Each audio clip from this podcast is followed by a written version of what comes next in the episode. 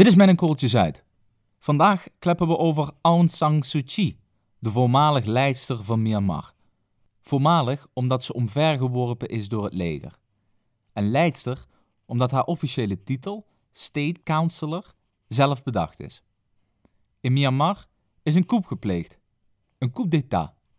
Dus vandaag, in Mijn Kooltje Zuid, Myanmar, de democratie van Aung San Suu Kyi.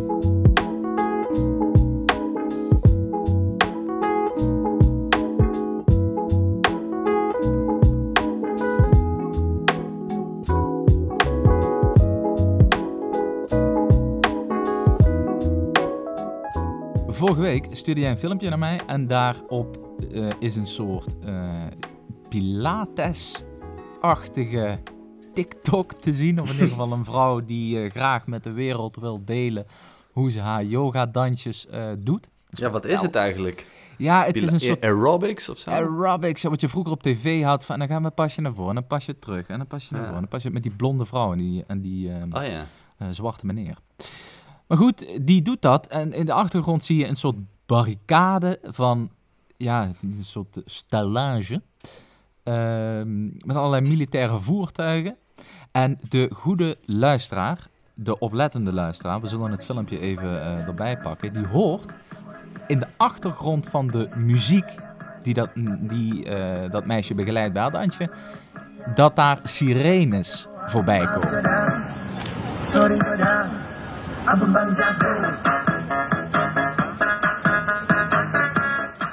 en die sirenes die zijn van auto's, grote gepantserde auto's. En een aantal kleinere, militaire lijkt het wel, voertuigen.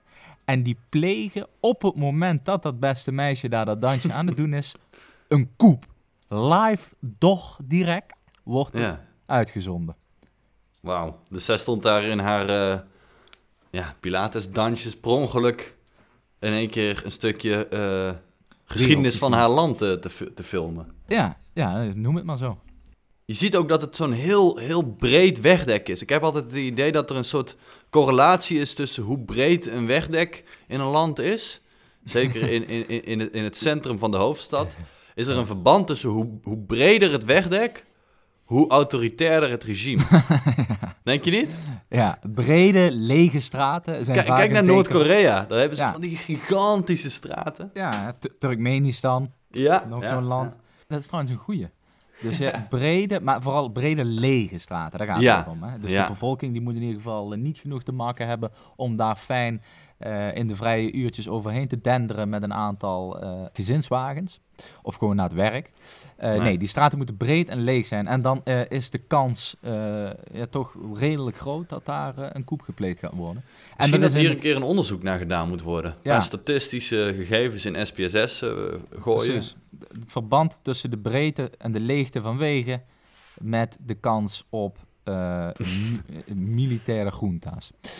Goed, terug naar Myanmar. Want uh, Myanmar, dat is een, uh, zou je zeggen, ja goed, ik weet niet hoe, hoeveel Myanmar nou de gemiddelde luisteraar van Met een Kortse Zuid interesseert, omdat het toch weer opnieuw, en het is schering en inslag bij onze show, maar het is wel een ver van je bed show. Myanmar, het voormalige Burma.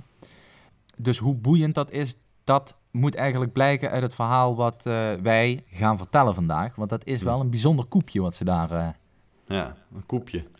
Coup d'état. Ja, staatsgreep in het Nederlands. Juist. Hebben ze... Uh, ja, vorige week, nou dat, dat zie je dus in het filmpje. Misschien kunnen we in de show notes, zal ik, zal ik daar dan even de, de YouTube-link zetten. En dan kunnen mensen het filmpje zien. Doe maar eens. Het is best wel een bizar filmpje. Ja, Myanmar was natuurlijk heel lang eigenlijk een soort um, ja, modelkindje van de westerse klas. We, wij als westerse wereld hopen, en dan Amerika voorop, eigenlijk overal in de wereld vrijheid en democratie te, te, te brengen. Mhm. En uh, Myanmar was daar het, het schoolvoorbeeld van. Daar ging het perfect.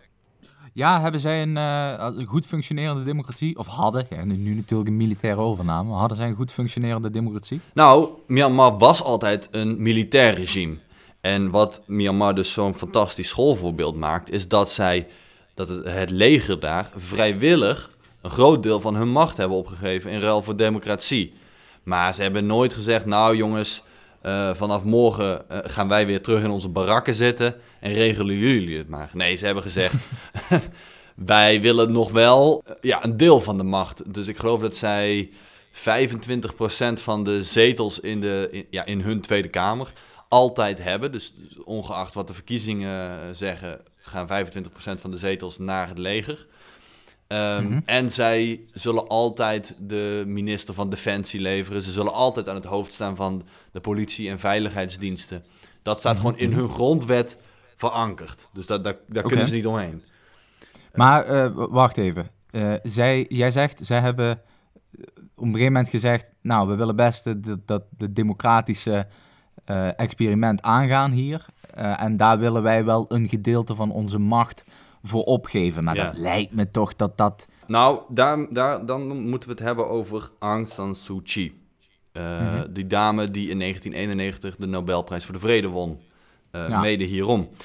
Zij mhm. werd geboren in 1945 in uh, Myanmar. En was eigenlijk vanaf haar geboorte al, ja, zeg maar, destined om, om, om iets groots te gaan doen voor Myanmar. Zij was de dochter van een... Hm. Uh, ja, van de grote militaire leider van dat land. Uh, die, er, uh, ja, die meegeholpen heeft met Myanmar onafhankelijk te krijgen van de Britten. Hè, onder een Britse, Britse kolonie. Ja. dus haar vader was al een soort volksheld. Um, zeker daarna. Nou ja, dat is niet heel goed met hem afgelopen. Toen Aung San Suu Kyi twee jaar oud was, is haar vader door een, ja, door een concurrent zeg maar, om het leven gebracht. Dus die is ook als martelaar gestorven. Maar om even het idee te schetsen, zij komt dus wel uit. Zij komt niet uit een boerenfamilie ergens in het achterland van Myanmar. Zij komt wel echt uit de, ja, de elite van uh, Myanmar.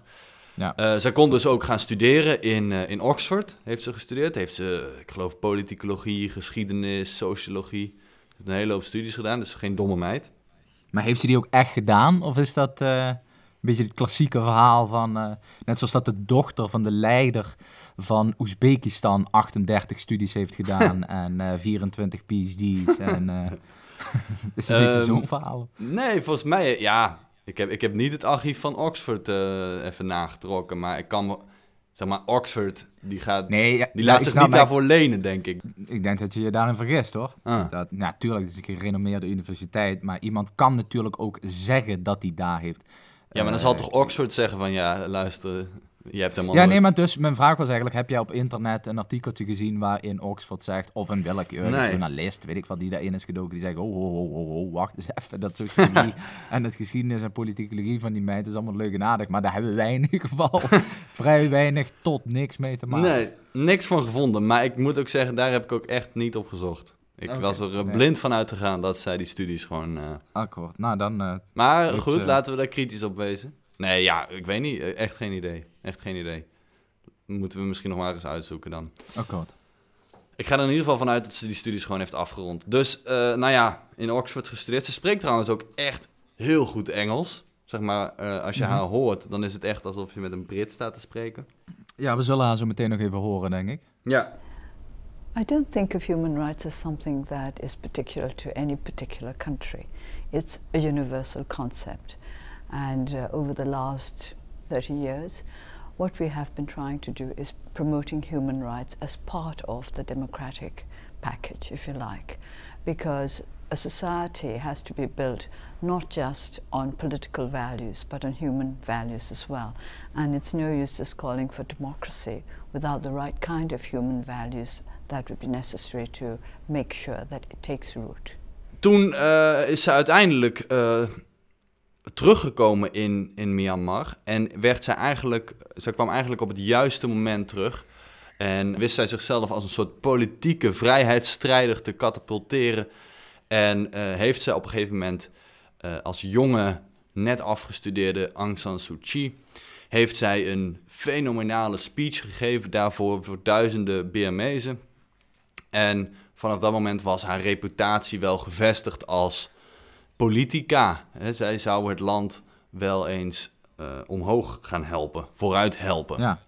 Ja, en zij heeft jarenlang, uh, voor, ze heeft dus jarenlang in de clinch gelegen met uh, dat militaire regime. Zij heeft dus ook het grootste deel van haar leven, ik geloof dat ze, nou ja, dat is trouwens niet het grootste deel, maar het is vrij lang nog steeds, 15 jaar, 20 jaar, ik weet niet precies, heeft zij in huisarrest gezeten. Uh, Ah, ja. Want het leger die zei, ja, luister eens meid, wij hebben het hier voor het zeggen. ja, ga maar thuis meid. zitten. Dus zij heeft heel lang in huisarrest gezeten, maar ze heeft nooit die strijd opgegeven. Ze heeft op een gegeven moment zelfs eh, voor een hele moeilijke keuze eh, gestaan. Namelijk, eh, nou ja, in, in haar tijd in Oxford heeft ze een man leren kennen. Ze is getrouwd met een Britse man. Ehm, en zij zat in Myanmar en haar man was nog in Engeland. En die man die werd ziek, eh, dodelijk ziek zelfs. En toen stond ze voor de keuze, ga ik hem nog een laatste keer bezoeken? En daarmee wetende dat hij, eh, hij, hij zal overlijden binnen nu een afzienbare tijd. Maar als ik, als ik dit land verlaat, dan weet ik dat ik er niet meer terug in kom. Want het leger die is mij zo spuugzat, eh die zullen mij never nooit eh, meer binnenlaten. Eh, dus toen heeft ze ervoor gekozen om voor haar land te strijden. En is ze niet Mhm. naar Engeland eh, gegaan. En heeft Oké, ze dus- karakter. Heeft ze karakter getoond? ja, heeft ze dus, eh, nou ja, dat heeft er dus wel eh, geholpen in haar reputatie. Dus zij heeft eigenlijk door de jaren heen eigenlijk bijna een soort godlike status gekregen onder de, ja, onder de, de Birmezen. Eh, en Maar wacht even, die- want die, die, dat leger is het er dan in ieder geval in beginsel niet mee eens geweest dat dat land een democratie zou worden. nee, Als ze dus de meest prominente vrijheidsstrijder of meest, meest prominente democratische politica 15 jaar Ja. thuis laten zitten, dan ga ik er een beetje vanuit dat ze niet zaten te wachten op, eh, nee. op democratie. Nee, absoluut niet. Op een gegeven moment werd het natuurlijk wel penibel. En zagen ze natuurlijk ook wel in dat er... Ja, dat zij zo'n gigantisch grote aanhang had. Hè. Wat ik zei, ze werd bijna als een soort halfgod eh geëerd door de, door de bevolking. En heeft, eh, ja, heeft zij er dus altijd voor gestreden om dat land te hervormen naar een democratie. En dat is dus uiteindelijk ook gelukt. Ehm, Mhm. ja, en in de intro zei jij het net al heel even. ehm, nou ja, ze is dus geen president geworden. Maar dat, dat, dat, ja, dat is meer formeel dan dat dat echt zo is. Want eh, het leger zag het natuurlijk al, die zag het al aankomen. Die dacht, ja shit, als, als, we, als zij straks die verkiezingen gaat winnen, eh, dan wordt zij president, schaft ze, al, schaft ze ons af. Dus wat dachten die, die slimme mannen uit het leger? Die dachten, we nemen in de wetgeving, in, in de nieuwe constitutie, een regeltje op waarin staat dat een president geen familieleden met een andere nationaliteit mag hebben. Mhm. Nou ja, die, die regel die bestond er eigenlijk alleen voor haar. Want zij had natuurlijk een Britse man. Dus Ja. volgens die eh, wetgeving kan zij nooit president worden. Nou ja, uiteindelijk wint ze verkiezingen met, ik geloof, 70% van de stemmen. Dus gigantische Mhm. overwinning. Is redelijk fors, ja. Ja, dus nou ja, ze kon geen president worden. Dus we dachten, dan maken we gewoon een ander, dan, dan verzinnen we een andere titel. Dus is ze adviseur van staat geworden. Ehm, wat erop neerkomt dat ze eigenlijk gewoon de macht heeft van de president of de, de minister-president. Juist. Maar het is even een soort formele, formele truc, formele omweg Ja, om eh, ja, zo'n titel te bezegelen. Oké, Ja. lachen. En dit, dit is het jaar? Nou, dat is in 2016. Eh, tot, ja, tot vorige week dus eigenlijk. Eh, maar ze was daarvoor al heel lang natuurlijk de... Ja, even kijken, wat, wat, wat, wat was zij? In twee, is, vanaf 1988 al was zij General Secretary of the National League for Democracy. Eh, dus dus de, de leider van de oppositiepartij. Ja, en, en deze strijd heeft haar geen windeieren eh, gelegd op internationaal geopolitiek vlak. Eh, want in 1991 is zij beloond met de Nobelprijs voor de Vrede. Ja. Eh, dus zij werd echt, echt gezien als, als hoop van Zuidoost-Azië. Eh, Ja. ja. Myanmar werd, e- werd echt gezien als schoolvoorbeeld van zo kan het dus ook. Mhm. Je zag ook, O- Obama is in zijn acht jaar als president is hij twee keer naar Myanmar gegaan. Waarvan, ja, is toch een land waarvan je niet zo snel verwacht dat de, de machtigste man op aarde twee keer gaat bezoeken. Eh, Mhm, mhm. Hij heeft Nederland één keer volgens mij een middag bezocht. Dus komen we Ja. tot bekaaid vanaf. Ja, Als je dat vergelijkt met de prestaties van Myanmar, komen wij er bekaaid vanaf, ja. Ja, Sterker nog, eh, 50% minder goed. zo. Maar ehm, deze, ja, deze status van haar, die is volgens mij eh, de afgelopen jaren echt falikant 180 graden omgedraaid. Dit is natuurlijk wel weer uh, bijzonder, want ook de hoofdrolspeler van onze vorige podcast, namelijk de president van Ethiopië, dat is ook een beste man die uh, de Nobelprijs voor de Vrede heeft gekregen. En die heeft zich daarna, of in ieder geval vermoedelijk, bezig gehouden met uh, zaken die het daglicht niet kunnen verdragen. Maar in dit geval, um, met, de, met mevrouw Suu Kyi, die heeft de Nobelprijs voor de Vrede gekregen. Weliswaar veel eerder, in 91, maar die heeft zich aantoonbaar uh, misdragen. En dat zeg ik omdat Myanmar natuurlijk dat land is waar die Rohingya-bevolking ja, uitgemoord, afgefakkeld, verkracht. Dus daar is echt een genocide aan de hand. Ja. In, in dat deel. En dat dus gebeurde under her watch.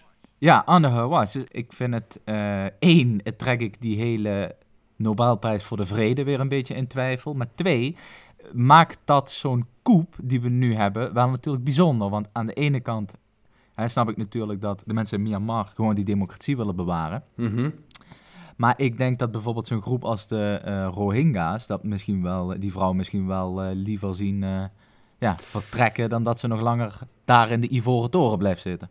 Ja, nou ja, dat misschien wel. Maar aan de andere kant was natuurlijk het leger toch de instantie die daar de dorpen afbrandde.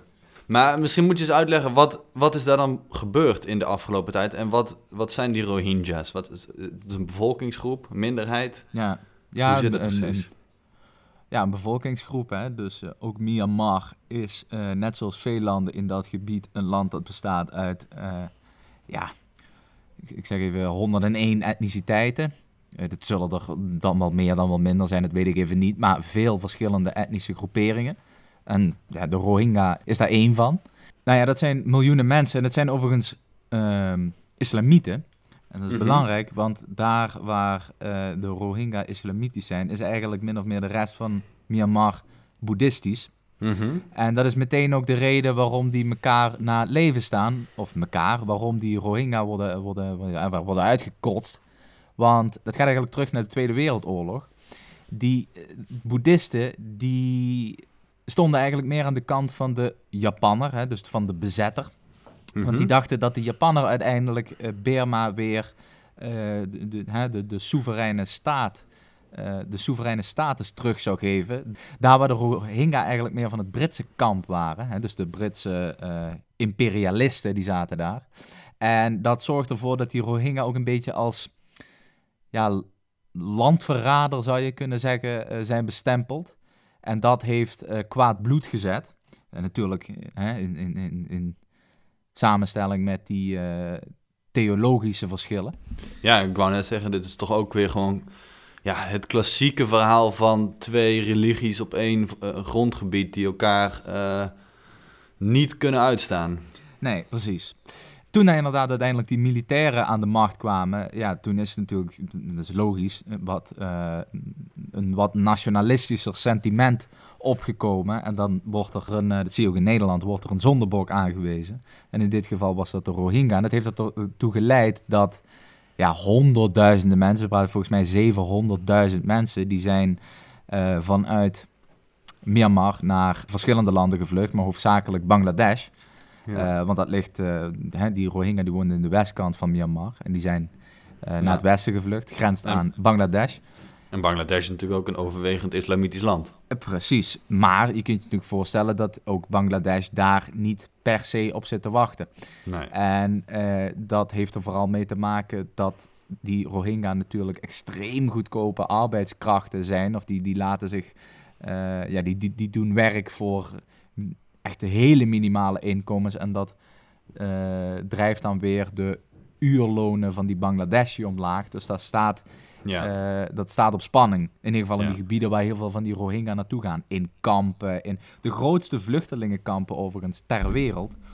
Uh, dat zijn die kampen van, van de Rohingya in, in Bangladesh. Zo. En het interessante is dus, of het interessante, dat is voor ons als internationale betrekkingen mannen interessant. Dat is dus de grootste stateloze bevolking ter wereld. Hè, dus je, de Koerden die kennen we misschien als zijn de, de stateloze mensen. Uh, maar die horen dan nog wel bij ofwel Iran, ofwel Irak, ofwel Turkije, ofwel Syrië. Maar deze mensen hebben dus gewoon... Er is, er is geen enkele staat die zich over deze mensen ontfermt. Want in Myanmar worden ze afgemaakt. En in Bangladesh, ja, worden ze gehuisvest in, in kampen. En uh, ja, zijn, de, zijn er gewoon marginale omstandigheden, laat ik het zo zeggen. Maar wat ik dus... Oh, sorry. Uh, dus, uh, er zijn twee kanten aan dat verhaal van die beste Suu Kyi. Ja. Eén, ze brengt de democratie naar het land en ze zorgt ervoor dat Myanmar het land wordt wat wij in het Westen misschien graag zouden zien. En aan de andere kant uh, wordt in ieder geval één groep volledig uh, buitengesloten, uitgesloten. Nou ja, de VN die zegt gewoon, dit is, dit is textbook uh, ethnic cleansing. Ja, dit is gewoon... Ja. Ja, dus letterlijk zeiden ze dat, hè? Textbook. Ja. en ik bedoel, als de VN dat zegt, die, die, dat zijn toch vaak de mannen en vrouwen van de, de diplomatieke taal. Die zeggen gewoon, dit is textbook ethnic cleansing. Dat is etnische zuivering. Dat is, dat is, dat is lijp, hoor. Mhm. En het, het, het bizarre vind ik ook... Uh, Gambia heeft uiteindelijk um, een, een, een court case aangespannen uh, bij het International Court of Justice in Den Haag. En daar is zij toen ook als, ja, als, als zijnde getuige is zij opgeroepen en is ze ook naar Den Haag gegaan. En dat is denk ik ook het moment geweest dat ze echt van haar voetstuk in de westerse wereld is gevallen. Want daar, tot verbazing van eigenlijk iedereen, verdedigde zij de aanvallen van het leger. Want wat we eigenlijk hadden verwacht in het Westen, is dat zij uh, kijk, we snappen natuurlijk allemaal dat zij toch op gespannen voet met dat leger moet opereren. Ze is natuurlijk de, de, leider van het land, maar ze heeft niet alle macht. En ze, ze heeft eigenlijk helemaal geen macht over dat leger in Myanmar. Um, dus we hadden verwacht dat ze eigenlijk het leger wel in het, in het International Court of Justice af zou vallen. En daarmee toch de, de moral, de morele, ja, de juiste kant zou kiezen. Maar wat ze deed, is eigenlijk ze stond volledig achter het leger. Ze heeft, ze heeft helemaal nul spijt betuigd. Ze heeft... Ehm, het woord Rohingya niet eens genoemd. Klopt, ja. Ze, ze weigert het woord Rohingya te noemen, omdat ze dan eigenlijk zou erkennen dat dat dus een volk is. Uh, dus ze heeft het alleen maar over die provincie. Um, ook zelfs... Provincie Rakhine trouwens, voor de Rakhine. Ja. Ze zegt op, op een gegeven moment zelfs, nou ja... Uh, 50% van de dorpen in de provincie Rakhine, die staan gewoon nog prima overeind. Dat je, denkt, dat je denkt, hè? Ja, ja dat Wat ook, is dat dan voor een argument? Ja. Dus 50% van de dorpen zijn afgefakkeld. Of, of, hoe moet ik dit dan interpreteren? Crisis in recent years. But Myanmar's de facto leader and Nobel Peace Prize winner, Aung San Suu Kyi, has barely acknowledged the attacks. More than 50% of the villages of Muslims are intact. They are as they were before the attacks took place. When she says that, you know, 50% of the uh, Muslim villages are still present in Rakhine State, well, I mean, what are we talking about? 50% are gone, 50% are burnt out. You know, in any school I went to, 50% is a failing grade. Ja, daar heeft hij toch gelijk in. 50% ja.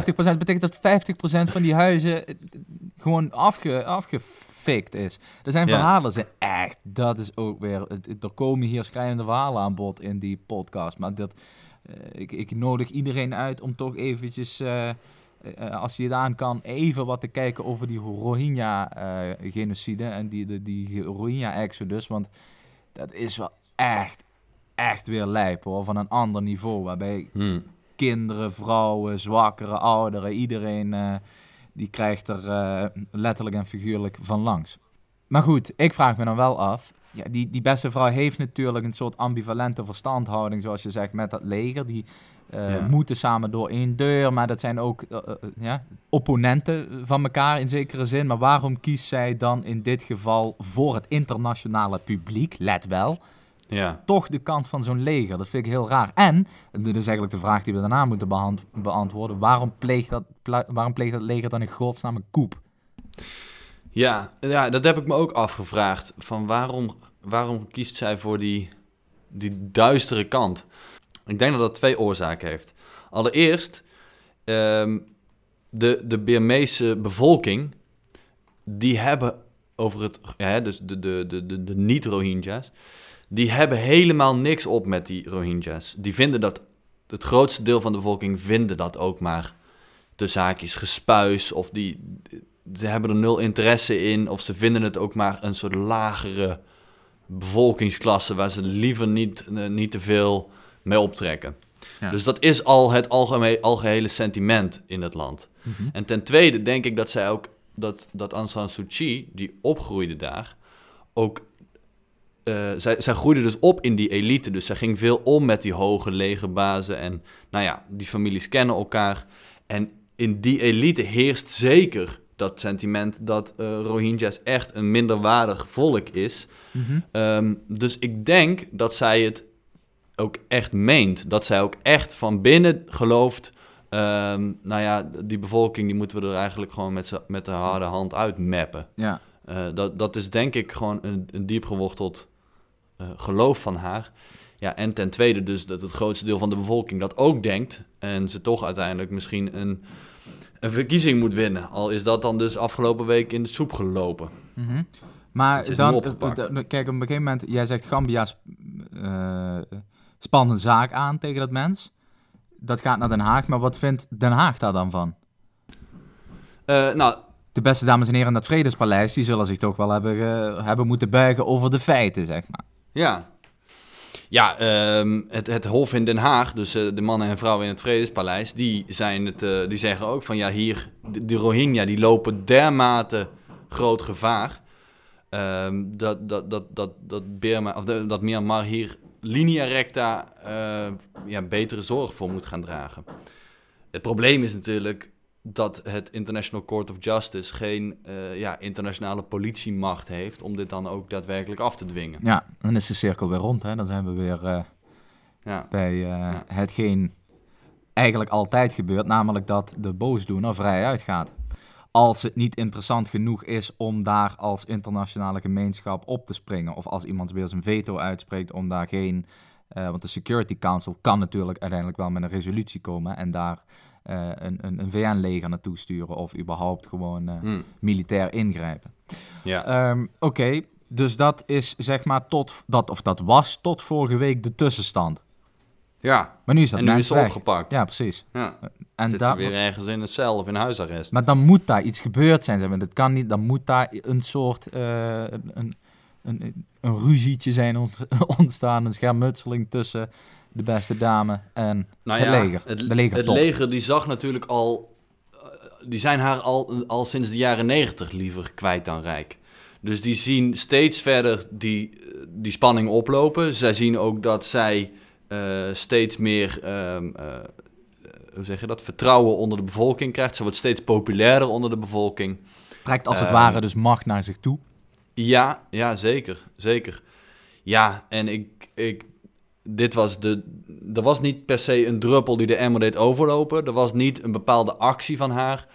Ehm, maar dit zat, er dit zat er al wel een tijd aan te komen. De mensen in Myanmar die, die leven al jaren op het, met het idee van... nou, het zou wel eens kunnen gebeuren dat het leger de macht weer grijpt. Want het was natuurlijk een vrij jonge democratie. Het leger is daar altijd heel eh, actief en aanwezig geweest. Ja. Ehm, en ik denk dat de hoge bazen in het ministerie van Defensie eh, afgelopen week gedacht hebben: Nou, eh, nu is het klaar en wij gaan het hier weer organiseren. Oké. Ik ben dus heel erg benieuwd. Of zij nog ergens opduikt. Ja, precies. Of dat zij weer 15 jaar in, eh, in exile. Ja, die Eh, kans zit er wel in, denk ik. Hmm. Ik denk niet dat ze er eh, af zullen eh, slachten, maar ik denk wel dat zij toch in huisarrest of in een, nou misschien ook wel in de gevangenis Maar die, kan gaan die zitten. protesten zijn fors hoor. Boah, je moet eens kijken man. Er, er gaan echt miljoenen mensen de straat op. Hmm, Eh, ja. Ook, ook, en dat is dan natuurlijk wel weer eh, een dingetje van deze generatie. Het internet is daar afgesloten. Er is weinig tot geen toegang tot de sociale media. En dan heb je Hmm. mensen natuurlijk snel op de been als dat eh, het geval is. Nee, nu bagatelliseer ik even hier de, ehm, ja, de efforts van die bevolking om de democratie te, te herstellen. Of in ieder geval de democratie die, die ze hadden. Myanmar is eigenlijk een beetje als het, het, het, het jongetje of meisje uit groep 6, groep 7, wat het echt fantastisch deed. Haalde altijd een 8, 9, 10. Ehm, een glansrijke toekomst lag in het, in het vooruitzicht. Ja, mapte af en Die toe zou- wel eh, een klein kind achter in de klas. Maar wa- werd... eh, Dat wel. ja. Alle lichten stonden toch op groen dat zij eh, binnen afzien, hè, na, het, na, na de middelbare school toch wel rechten zou gaan studeren aan Harvard en het dan zou gaan maken. En wat blijkt, de meid groeit op, uh, de jongen groeit op, uh, genaamd Myanmar, en uh, raakt dan toch van het padje af, raakt het spoor bijster. En die, die glansrijke ster die het beloofd had, die, die dooft toch langzaam maar zeker. En daarmee is het einde van de democratie in Myanmar een feit. Ja, voor nu. Hè? Dus dat kan zich dan misschien wel weer herstellen. Um, ja, dan, uh, oh ja, een kleine excuses, dames en heren. Ja, misschien dat het uh, af en toe te horen was. Er wordt een beetje gewerkt aan mijn, uh, aan mijn huis. Dus er zullen, er zullen misschien wat klopjes en wat bonkjes op de achtergrond te horen zijn geweest. Excuses daarvoor. Um, dan wou ik nog even een grote shout-out geven naar al onze, alle mensen, jongens en meisjes die ons steunen via patje.af. Yes. want dat dat vinden wij fantastisch. Daarmee houden wij deze, deze show draaiende. En we zitten in een WhatsApp-groep met al die mensen. Dus ehm, waar we eigenlijk dat vind horen, ik oprecht heel leuk. Waar we eigenlijk horen te babbelen over internationale geopolitieke obscuriteiten en andere zaken. Maar we worden ook nog wel eens afgeleid door nationale politiek en of frivolere aangelegenheden. Maar let wel, fantastisch intellectueel stel mensen bij elkaar hoor. Ja, het is oprecht de leukste WhatsApp-groep waar ik in zit. Nee, het, uh, het is juist omdat het zo'n breed palet van mensen is. We hebben mensen die, die uh, nou ja, hun baan nu zijn verloren omdat ze in de horeca werkten. Eén seconde. Zijn ze weer even de plint aan het vasttikken? We hebben, ja, we hebben mensen die, uh, daar kwamen we het laatst weer achter, mensen die in het koor hebben gezeten. Stu oud-studenten. Um, ja. Autochtoon, allochtoon, man, vrouw. Een Belg. Extravert, timide, dik, dun. Uh, dus, nou ja, als je daarbij wil, als je in die WhatsApp groep wilt, ga dan even naar patch.af slash korreltjesuit. Dames en heren, tot de volgende week. Tot volgende week.